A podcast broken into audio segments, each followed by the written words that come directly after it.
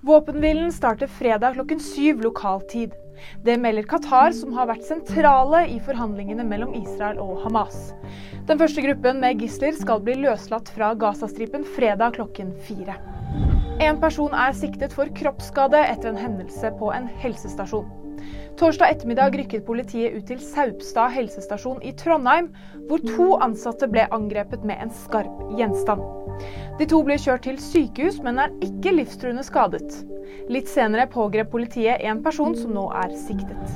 Politiet advarer mot falske sedler i omløp. Forrige uke beslagla de flere 200- og 500-lapper som var falske. Politiet sier de har grunn til å tro at flere er i sirkulasjon. Vil du vite mer? Nyheter finner du alltid på VG.